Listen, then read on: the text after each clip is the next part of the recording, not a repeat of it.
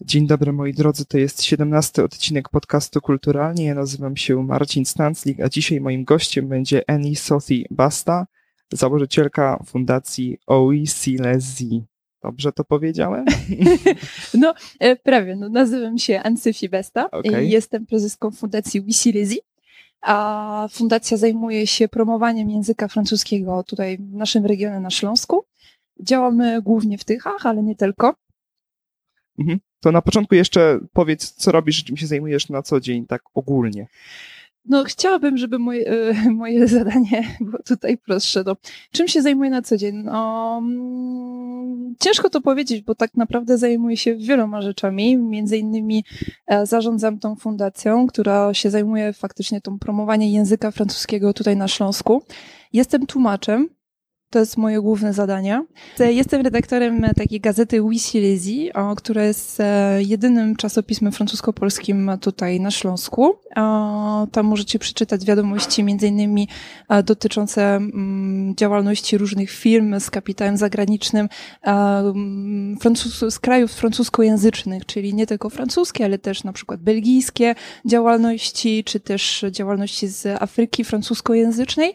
A współpracujemy e, z wieloma instytucjami i organizacjami, z miastami, między innymi Tychy, Sosnowiec, Katowice, Regionalna Izba Gospodarcza, Krajowa Izba Gospodarcza, e, Katowicka spe, e, Specjalna Strefa Ekonomiczna.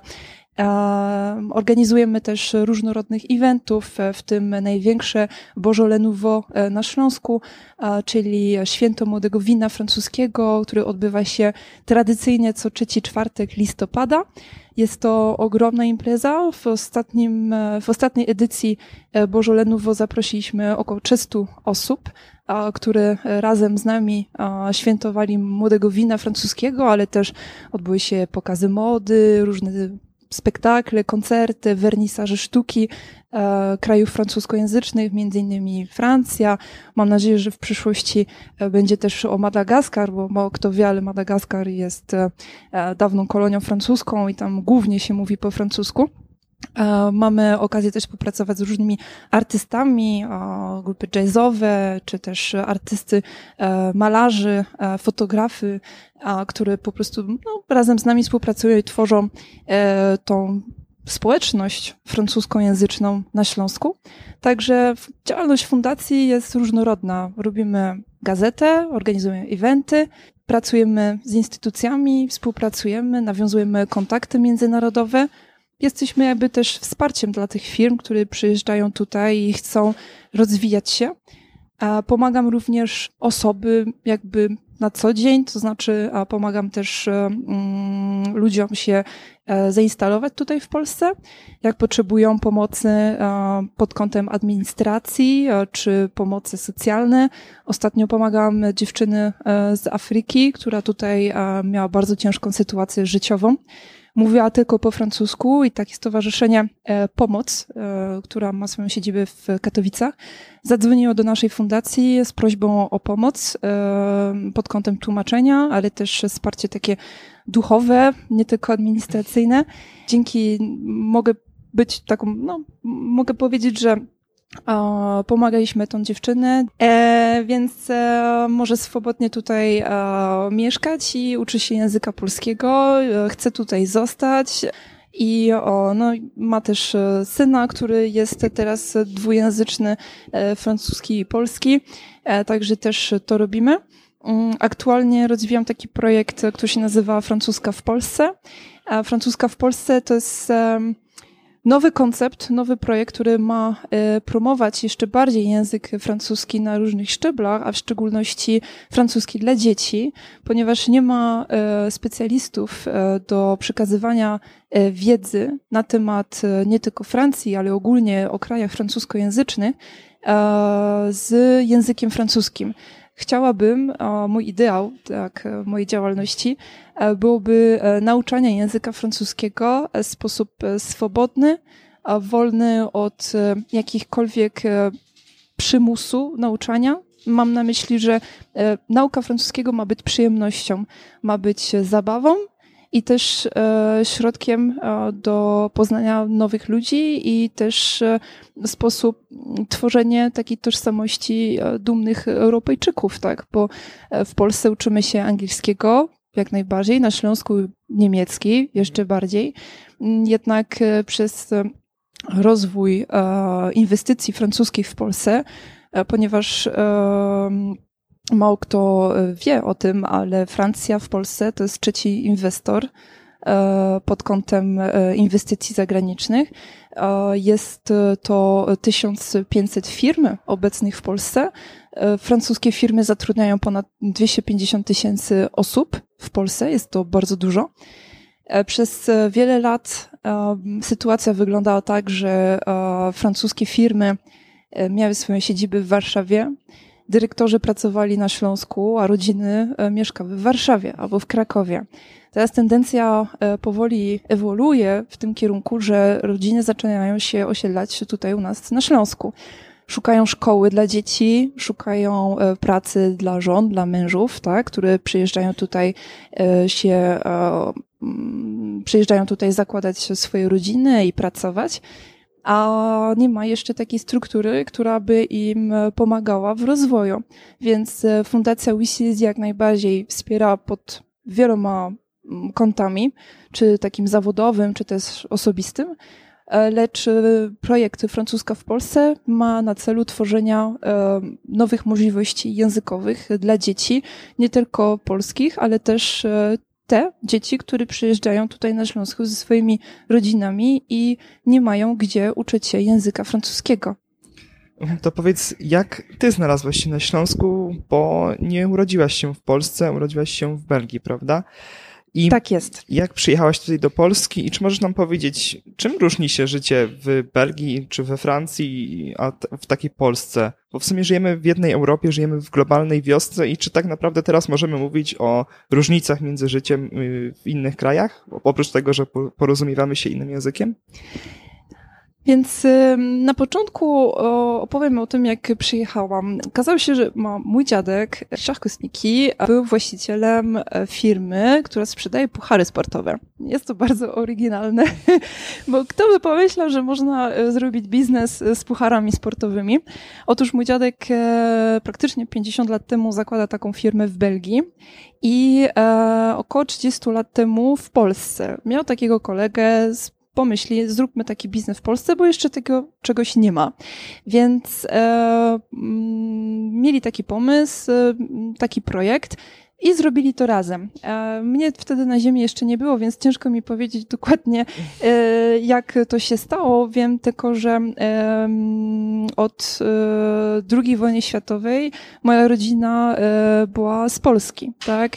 Moja rodzina w czasie II wojny światowej przyjechała do Francji, uciekając przed wojną, więc można powiedzieć, że trzy czwarte mojej krwi jest polskiej. Jestem jakby trzecie pokolenie, które e, mieszka, urodził się we Francji. Tak naprawdę urodziłam się w Belgii. Wiem, że to jest trudne do zrozumienia, ale e, jest to bardzo oryginalne. Może, mo, mogę powiedzieć bardziej, że jestem taką Europejczyką e, niż e, typowo francuską, bo urodziłam się w Belgii, moi rodzice byli Francuzami e, i tak i tak dużo czasu spędzałam we Francji, bo też część mojej rodziny tam mieszka. E, na, nadal, tak, to, to się nie zmieniło. Lecz potem, jak już byłam e, na tym świecie, mając 10 lat, e, moja mama chciała zmienić swoje życie i stwierdziła, że przyjmie biznes po moim dziadku i zdecydowała, że zabiera mnie ze sobą, więc w wieku 10 lat przyjechałam tutaj do Katowic. Szary Bury Katowice, pamiętam, to było w styczniu 2001. A pamiętam, że dla mnie to był szok, bo ja mieszkałam w takiej miejscowości Petit Tonguien. E, taki, taka wioska, bardziej taka elegancka pod Brukseli, mhm. e, bardzo zżyta, bo wszyscy się tam znaliśmy. Więc dla mnie przyjechać do taki miast, takiego miasta jak Katowice to był bardzo duży szok, bo jednak te wszystkie mm, bloki, jeszcze to nie wyglądało jak teraz, że jest to mhm. oko miasta, Silesia, te wszystkie infrastruktury. E, prawie 20 lat temu, no to było inaczej. I um, no, dla mnie to był szok. Y, jeszcze to była zima, no to też temperatura była, y, no, też szokująca, bo w Belgii jak pada 5 centymetrów śniegu, to już jest święto i nie ma szkoły, a tutaj jednak zakładasz no. buty i idziesz do szkoły, tak? Czy jest minus 10, y, czy jest śnieg, czy nie, po prostu się chodzi do szkoły, no to, to jest po prostu takie coś, tak, takie warunki pogodowe, takie śmieszna dygresja, ale mm, dla mnie nie tylko to był szokujące, ponieważ język, tak, polski jest bardzo trudnym językiem. Nie umiałam go w ogóle, więc przez 2-3 lata e, miałam kursy korespondencyjne e, z Francją i z Belgią. Lecz, lecz niestety e, nie, skutko nie skutkowało, ponieważ młode dzieci, tak, mają 10 lat, jeszcze potrzebują nadzór e, nauczyciela, e, kolegów, koleżanki, więc e, moja mama wzięła sprawę w swoich rękach i znalazła mi szkołę w Polsce, gdzie był też nauczany język francuski i szkoła była w Sosnowcu. To było na dzielnicy Juliusz, czy Juliusza. Mm, proszę nie, nie wybaczyć. Sosnowca nie znam. Ale mieszkańcy Sosnowca, jak usłyszają, e, usłyszą dzielnicę Juliusz, to, to będą wiedzieli mniej więcej, gdzie to jest e, i zrozumieją, że e, to nie była jedna z najłatwiejszych dzielnic Sosnowca ponieważ dwa tygodnie po rozpoczęciu nauki próbowano mnie okraść telefon. Nie chciałabym też, żeby ludzie myśleli, że Sosnowiec jest źle i tak dalej, bo to nie jest prawda. Ale początki w szkolnictwie miałam trudne, no bo mm, nie umiałam się porozumiewać z dziećmi. I to było bardzo ciężkie, ponieważ też nie rozumiałam nic w szkole. Były zajęcia z historii, z matematyki. Dla mnie to było e, szok. Po prostu tam byłam i miałam jedyny kontakt z taką nauczycielką, która faktycznie uczyła francuski. Pani Bochenek, pamiętam. E, próbowałam jej trochę uczyć polskiego, ale no tam byłam może rok albo dwa i bardzo kiepsko e, mi to szło, więc straciłam sporo czasu. E, miałam transfer później do innej szkoły w 17 w Sosnowcu, to jest już e, koło Parku Sieleckiego, tam na centrum bardziej. To była szkoła sportowa, więc tam się odnalazłam bardzo dobrze. Miałam fantastycznych przyjaciół, których tam poznałam, które znam do dziś. Między innymi Magda, która była moją świadkową na weselu, także bardzo miło wspominam te czasy w tej szkole, ponieważ e, tam się nauczyłam w końcu języka polskiego, e, wtedy jeszcze było gimnazjum, e, też tam zdałam egzamin gimnazjalny, potem poszłam do technikum ekonomiczne w Sosnowcu, bo potem też zaczęłam mieszkać w Sosnowcu. To jest ważne, żeby to powiedzieć. W ogóle większość mojego życia mieszkałam w Sosnowcu, jak się okazało. No i zdałam maturę E, zdałam maturę języka polskiego, matematyki, francuski i włoski, bo potem, e, co jest też bardzo ciekawe, że dalej się uczyłam w Sosnowcu, bo tam jest uczelnia wyższa mhm. E, neofilologii, po prostu języki obce, no i tam skończyłam język włoski z angielskim na licencjacie, a potem skończyłam e, moje studia na magisterce z językiem francuskim, a program tłumaczeniowy, język specjalistyczny i inne programy do tłumaczenia. Także, no, można powiedzieć szczerze, że dużo czasu spędziłam w tym Sosnowcu. E, bardzo miło wspominam te czasy. No i teraz już od sześciu, no, no, sześciu lat mieszkam w Tychach i tutaj prężnie działam e, na rzecz promocji języka francuskiego. Jeśli chodzi o, o różnice, e, powiem tak, no nie, nie chciałabym wyjechać z Polski, bo często ludzie mi się pytają, co ty tutaj w ogóle robisz, tak? E, zazwyczaj jest no odwrót, tak, że to Polacy wyjeżdżają do Francji czy tam do Belgii, żeby pracować. Dobrze mi się tutaj żyje mam swoją rodzinę, mam swoją działalność, mogę promować ten język francuski jak najbardziej. Ludzie chcą się uczyć języka francuskiego. E, mam swojego syna, który jest też dwujęzyczny, e, mówi po polsku i po francusku. Nie wyobrażam sobie swoje życie gdzie indziej. Oczywiście można, czasami tęsknię, tak? To, to nie mhm. będę mówiła, że jest inaczej. Tęsknię, jak jadę do Belgii i już tylko ląduję tam na tym lotnisku i słyszę, jak wszyscy mówią po francusku, to jest dla mnie wow, ulga, tak? Bo nawet jeśli po 20 latach mówię dosyć dobrze po polsku, to dla mnie to jest wysiłek. To jest dla mnie wysiłek. E, wracam do domu i mówię po francusku, to jest dla mnie ulga. Jadę do Belgii czy do Francji, mówię po francusku, nie muszę się wysilać, to jest dla mnie ulga. Ale po trzech dniach to chcę tu wracać, tak? To jest mój dom. Po prostu Polska to jest mój dom. Jestem z tego dumna i chcę tutaj zostać. Mhm. Super. E, teraz chciałbym, żebyśmy powiedzieli trochę o kulturze i w krajach, we Francji i w krajach frankońskich. No więc opowiedz nam może... Frankofońskich. Frankofońskich, okej. Okay. To może opowiedz nam o jakiejś ciekawej może tradycji, czy o jakimś zwyczaju, którego w Polsce nie ma, a na przykład Francuzi, czy ci inni, żeby już nie mówić go, jakoś kultywują, czy mają go po prostu? Mm, no różnic kulturowych jest pełno. E, ja mogę powiedzieć, że przyjechałam na tyle wcześnie w Polsce i na tyle późno, że e, zachowałam pewne e, jakby bagaż kulturowy, który e, kultywuję i przekazuję mojemu synowi. I też e, przekazuję e, na różnych warsztatach, które robię w przedszkolach dla dzieci. Dla mnie największa taka różnica mm, hmm, jest po prostu w mentalności, tak? Francuzi są inni, Belgowie są inni, Polacy są inni, no mamy trochę inne, inną historię, inne zwyczaje czy na przykład podczas świąt, tak, trochę inaczej obchodzimy święta. Jeśli chodzi o, o jedzenie, to mm, o, jedna z największych takich różnic to jest śniadanie, tak? E, w Polsce tak jemy bardziej na słono, tak? Mhm. A na przykład we Francji jemy na słodko. Croissant, tak? E, czekolada na mhm. gorąco, jak najbardziej no to to jest trudne, kiedy e, wiem, że Polacy e, właśnie mówią, że a we Francji to wy wszystko na słodko. A ja mówię, no nie, no tylko śniadanie, bo tak naprawdę to ja uważam, że jest na odwrót. E, uważam, że Polacy lubią na słodko, właśnie jest pełno kawiarni, tak? W Polsce, we Francji nie ma tych kawiarni.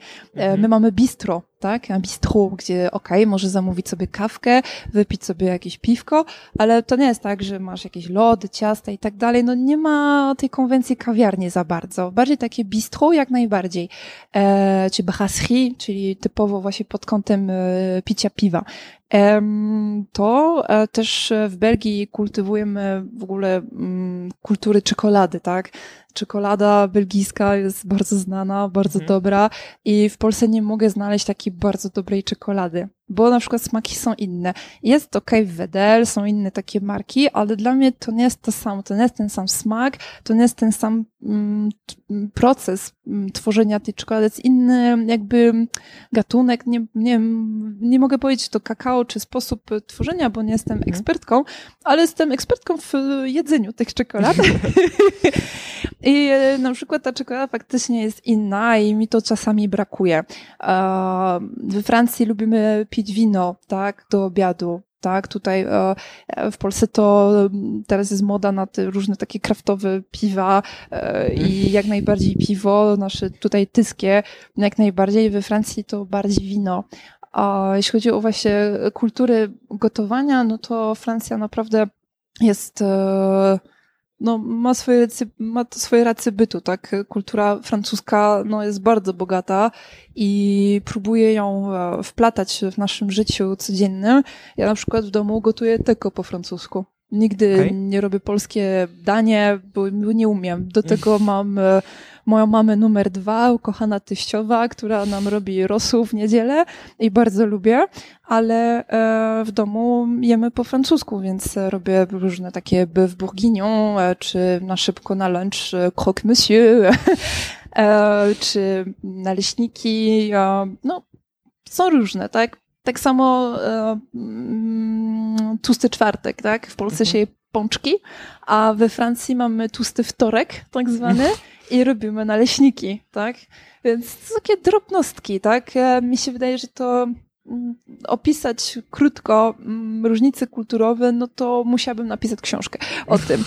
E, ale ja często miałam problemy z mentalnością, tak? Sposoby myślenia. Teraz jest coraz lepiej, bo coraz więcej ludzi podróżuje, ma więcej świadomości tych różnic kulturowych, ludzie są coraz bardziej otwarci, um, młodzież um, uczy się tych języków obcych, są te wymiany, te Erasmus+, Erasmusy na studia, także no, świat się otwiera, Polska też wychodzi coraz bardziej bardziej na tą skalę międzynarodową i też ludzie doceniają coraz bardziej Polskę. Francuzi przyjeżdżają do Polski na wakacje, tak? Mamy piękne tutaj kąty, nie ma tylko Kraków, Warszawa czy Gdańsk, ale też okolice tutaj na naszym Śląsku, na naszym, w naszym regionie są też bardzo ciekawe. Coraz więcej osób przyjeżdża nas odwiedzać, także myślę, że te różnice kulturowe zaczynają się tak rozmazać, są coraz bardziej um,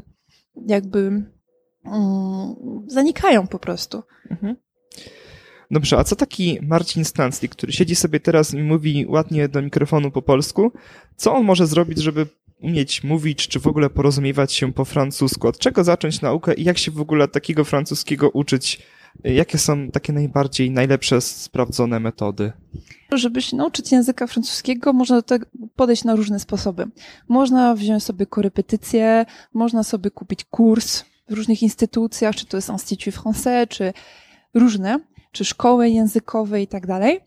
E, lecz e, uważam, że trzeba łączyć trochę wszystkiego. E, uczyć się samemu, jak najbardziej. Najlepiej jest jednak mieć na początku korepetycje, żeby nauczyć się czytać, bo francuski jest bardzo trudny do czytania i um, uważam, że um, trzeba i należy mieć solidne podstawy czytania, żeby móc być samodzielny w nauczaniu się słówek na przykład, prawda? Mhm. Żeby je poprawnie wymówić.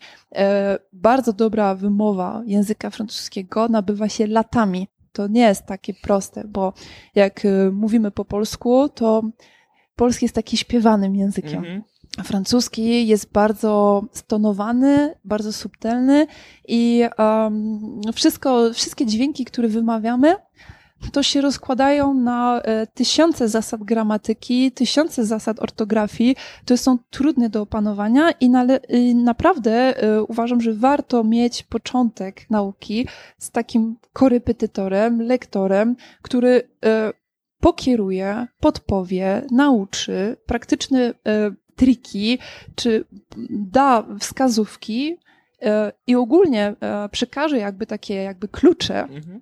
E, które pozwolą otwierać kolejne drzwi, tak? a ty potem po przekroczeniu tych drzwi uczeń, tak, jest w stanie samemu się czegoś uczyć.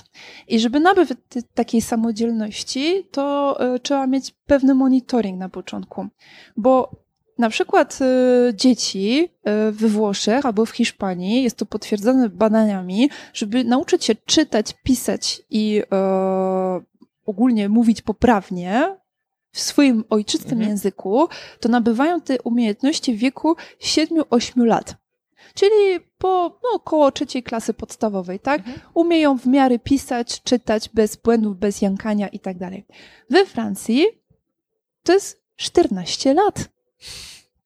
Dlaczego? Bo francuski jest etymologicznym językiem, czyli każdy jakby um, temat, każde słowo ma jakieś tło historyczne. Każde słowo ma jakieś znaczenie, bo e, ktoś coś wymyślił, no to ma taką nazwę. No to powiedzmy, że to kojarzymy. Ale dlaczego jest jakaś litera w środku, która się nie czyta, no to mi też ciężko czasami to tłumaczyć, ale żeby się zagłębić w tym, można sprawdzić etymologię, czyli pochodzenie historyczne danego słowa, mhm. to wtedy człowiek się dowiaduje, że to był jakiś hrabina, która zakłada jakiś gorset i jak się śmiała, e, bo ten gorset był bardzo ciasny, to na przykład e, e posikała się i wychodzi e, słowo rigoler, tak, czyli śmiać się, a rigol to były takie ryny przy ulicach, które były stworzone po to, że kobiety jak się śmiały, bo miały za ciasny korset, to mogły sobie załatwiać się do takich rigol. I stąd jest czasownik rigoly, czyli śmiać się.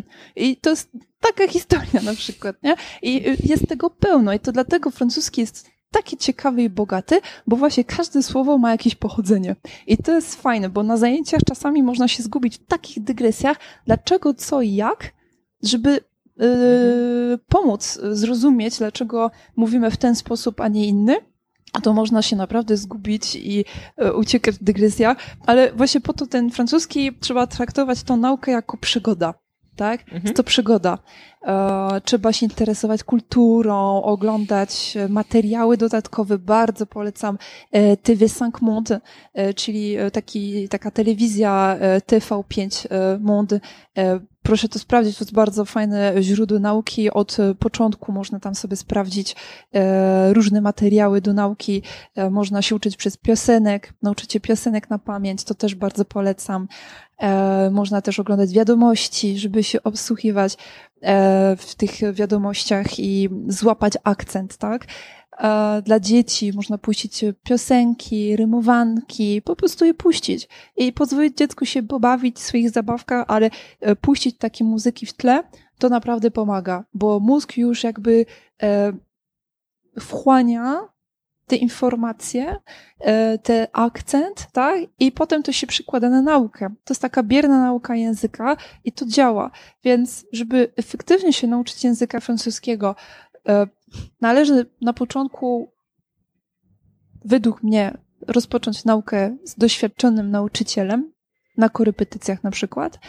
Można uzupełnić swoją wiedzą, kupując książki, na przykład czasowniki, słownictwo, to, co jest potrzebne, na przykład dla danego ucznia, bo każdy jest inny, tak?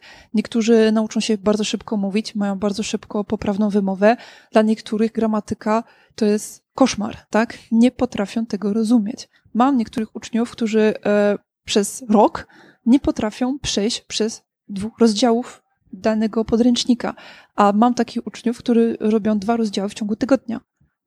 Więc no naprawdę każdy jest inny. Mhm. I właśnie rola takiego korepetytora, nauczyciela jest taka, żeby rozpoznać potrzeby ucznia i dostosować metodę do niego. Nie ma takiej jednej recepty, ale można e, jakby łączyć kilka metod i potem stosować to, co działa. Są ludzie, którzy mają fiszki, są ludzie, którzy mają aplikacje, niektórzy zapisują się na jakieś podcasty, tak? niektórzy po prostu jadą na wyjazdy językowe, tak, na jakieś kolonie do Francji, czy e, do innych językowych e, e, takich wakacji, no można sobie też takie załatwić, tam na, na południu Francji jest pięknie, no tam rodzice mogą iść na wakacje, a dzieci mogą na przykład chodzić na kolonie. Wymiana młodzieży, tak, udział w różnych programach, na przykład Erasmus Plus dla technika, bardzo fajne rozwiązanie. Też dzieci się uczą dzięki temu szybciej, bo są po prostu w środowisku językowym od rana do wieczora. A propos nauki języka francuskiego przez podcasty, planujesz rozpoczęcie własnego podcastu. O czym miałby on być? I już powiedzieliśmy w sumie, że o nauce, ale opowiedz coś więcej. Znaczy tak, no planuję zrobić taki podcast, e, ponieważ chciałabym e, dać praktycznie wskazówki ludziom, którzy już się uczą ze mną francuskiego, ale też e, byłby to fajny sposób dla ludzi, żeby się nauczyć szybko i swobodnie języka. Podcasty mm, pod tytułem Francuska w Polsce, taki francuski w 10 minut bym powiedziała, taki francuski w pigułce, ponieważ to byłyby takie krótkie odcinki od 5 minut do 10 Max, e, który by pokrył takie tematy e, popularne, czy na przykład przywitać się, zamówić kawę w kawiarni, e, czy na przykład rozmowa o pracę dla bardziej zaawansowanych, lecz też chcę wplatać nie tylko mm, słownictwo i powtarzanie za moim głosem, ale też chcę tam wplatać elementy kulturowe, tak, mhm. które mają na zasadzie pomóc nauce, ponieważ mamy bardzo e, różne zwyczaje we Francji. Na przykład mój pierwszy odcinek, e, który teraz no, opracowuję i mhm. mam nadzieję, że za niedługo się okaże, e, to mówimy o tym, jak mówić dzień dobry, do widzenia, ale też uczymy się o tak zwanej lebise, czyli caus tak? E, we Francji wszyscy się całujemy, czy się znamy, czy nie. Po prostu ktoś przychodzi, się wita i dzień dobry i się całujemy, tak? E, na przykład e, ja przyszłam tutaj na ten podcast i we Francji to byśmy już się pocałowali na dzień dobry, chociaż nie znamy się, tak? Na co dzień, ale no tak to wygląda i to jest tak dziwne, że na przykład też między facetami, tak? Między mhm. mężczyznami różnego wieku też się całujemy. Dla niektórych to może być szok, prawda? Bo mhm. mówisz dzień dobry, a nagle ktoś do ciebie podchodzi z policzkiem w powietrzu w oczekiwaniu na buziaka. No, no dla takiego nie Francuza to może być e, różnie odebrane, ale właśnie o tym mówię, jak do tego podejść, tak? Jeśli na przykład bardzo nie chcesz tego buziaka, to tego nie musisz przyjąć, e, ale zrozum, że to jest e, jakby nic takiego zobowiązującego. Mhm. Taki zwyczaj to jest jak podanie ręki tak? Więc e, właśnie w tych podcastach chcę zrobić i naukę francuskiego, i nauczyć o tym, jak Francuzi żyją na co dzień, jak się, się z nimi obchodzić, ale też e, o tych innych krajach, tak? Bo mieszkałam w Belgii, mieszkałam trochę we Francji, e, mam tutaj znajomych, którzy są też różnych przedstawicieli innych kultur krajów francuskojęzycznych, na przykład Benin, tak? Kto wie, co to, gdzie jest Benin? To jest taki kraj w Afryce, e, który jest e, bardzo bogaty kulturowo, mówią tam po francusku. Mam wspaniałą przyjaciółkę e, Nadia Patel, która jest konsulem honorowym tego kraju tutaj w Katowicach otworzyła swój konsulat niedawno temu i działa tutaj na rzecz promocji swojego kraju jako reprezentantka Afryki francuskojęzycznej. E, i e, zamierzamy razem tworzyć e, różne wydarzenia. Na przykład teraz dostałam szansę dzięki Miejski Centrum Kultury do promowania języka francuskiego, dzięki projekcie, który nazywałam projekt Kameleon Francuski Kulturalnie. Jest to projekt, który ma na, za zadanie promowanie języka francuskiego poprzez e, nauczanie o różnych kulturach krajów francuskojęzycznych, e, w tym Francja, Belgia, Benin, Madagaskar i Kanada e, ze współpracą z Uniwersytetem Śląskim, z konsulem honorowym Beninu, e, konsul honorowy Francji, ambasada Belgii. Także mm, chcemy popularyzować ten francuski właśnie dzięki tym podcastom, dzięki kto wie, kanał na YouTube jeszcze mhm. mamy taki projekt. Chcemy te warsztaty e, dla tych e, najmłodszych e, mieszkańców Tychów tutaj wprowadzać. Także no, działanie mamy duże i różnorodne. A gdzie jeszcze można Cię znaleźć? Bo piszesz masę artykułów, y, właśnie publikujesz podcasty i tak dalej. O tym już powiedzieliśmy. A gdzie jeszcze można Cię znaleźć? Nie wiem, może można obserwować Cię gdzieś na Facebooku, czy czytać Twoje artykuły? Gdzie to wszystko? Alo, e, jeśli chodzi o e, artykuły i o wszystko, co ja piszę, możecie e, znaleźć na początku wszystko na wisilezi.pl. E, podejrzewam, że zostawić dyskrypcję, że to będzie napisane gdzieś, bo mhm. podejrzewam, że to Wszystkie będzie tak... linki, o których będziemy tutaj mówić, będą w opisie. E, tak, bo e, inaczej będzie ciężko. Więc tak, na wisilezi.pl możecie tam znaleźć działalność i aktualności Fundacji Wisilezi jako tłumaczenie, szkolenie i tak dalej z językiem francuskim. Projekt Francuska w Polsce wkrótce. Strona się tworzy i tam będzie bardzo blogowo. Tam będą wszystkie moje najnowsze artykuły właśnie związane związane z nauką języka francuskiego dla dorosłych, dla dzieci, elementy też kulturowe związane z modą, z gotowaniem, taki lifestyle francusko-polski. Mhm. E, I e, podcasty też tam będą dostępne na platformach e, typu no właśnie no, czy macie mm, iPhone'a czy Androida, tam też będą dostępne moje podcasty. To wszystko to są no jeszcze niedostępne, ponieważ jest to w trakcie opracowania ale może i dobrze, bo jestem perfekcjonistką, chciałabym przekazać e, jedyne materiały e, wysokojakościowe, ponieważ jesteście tego warci.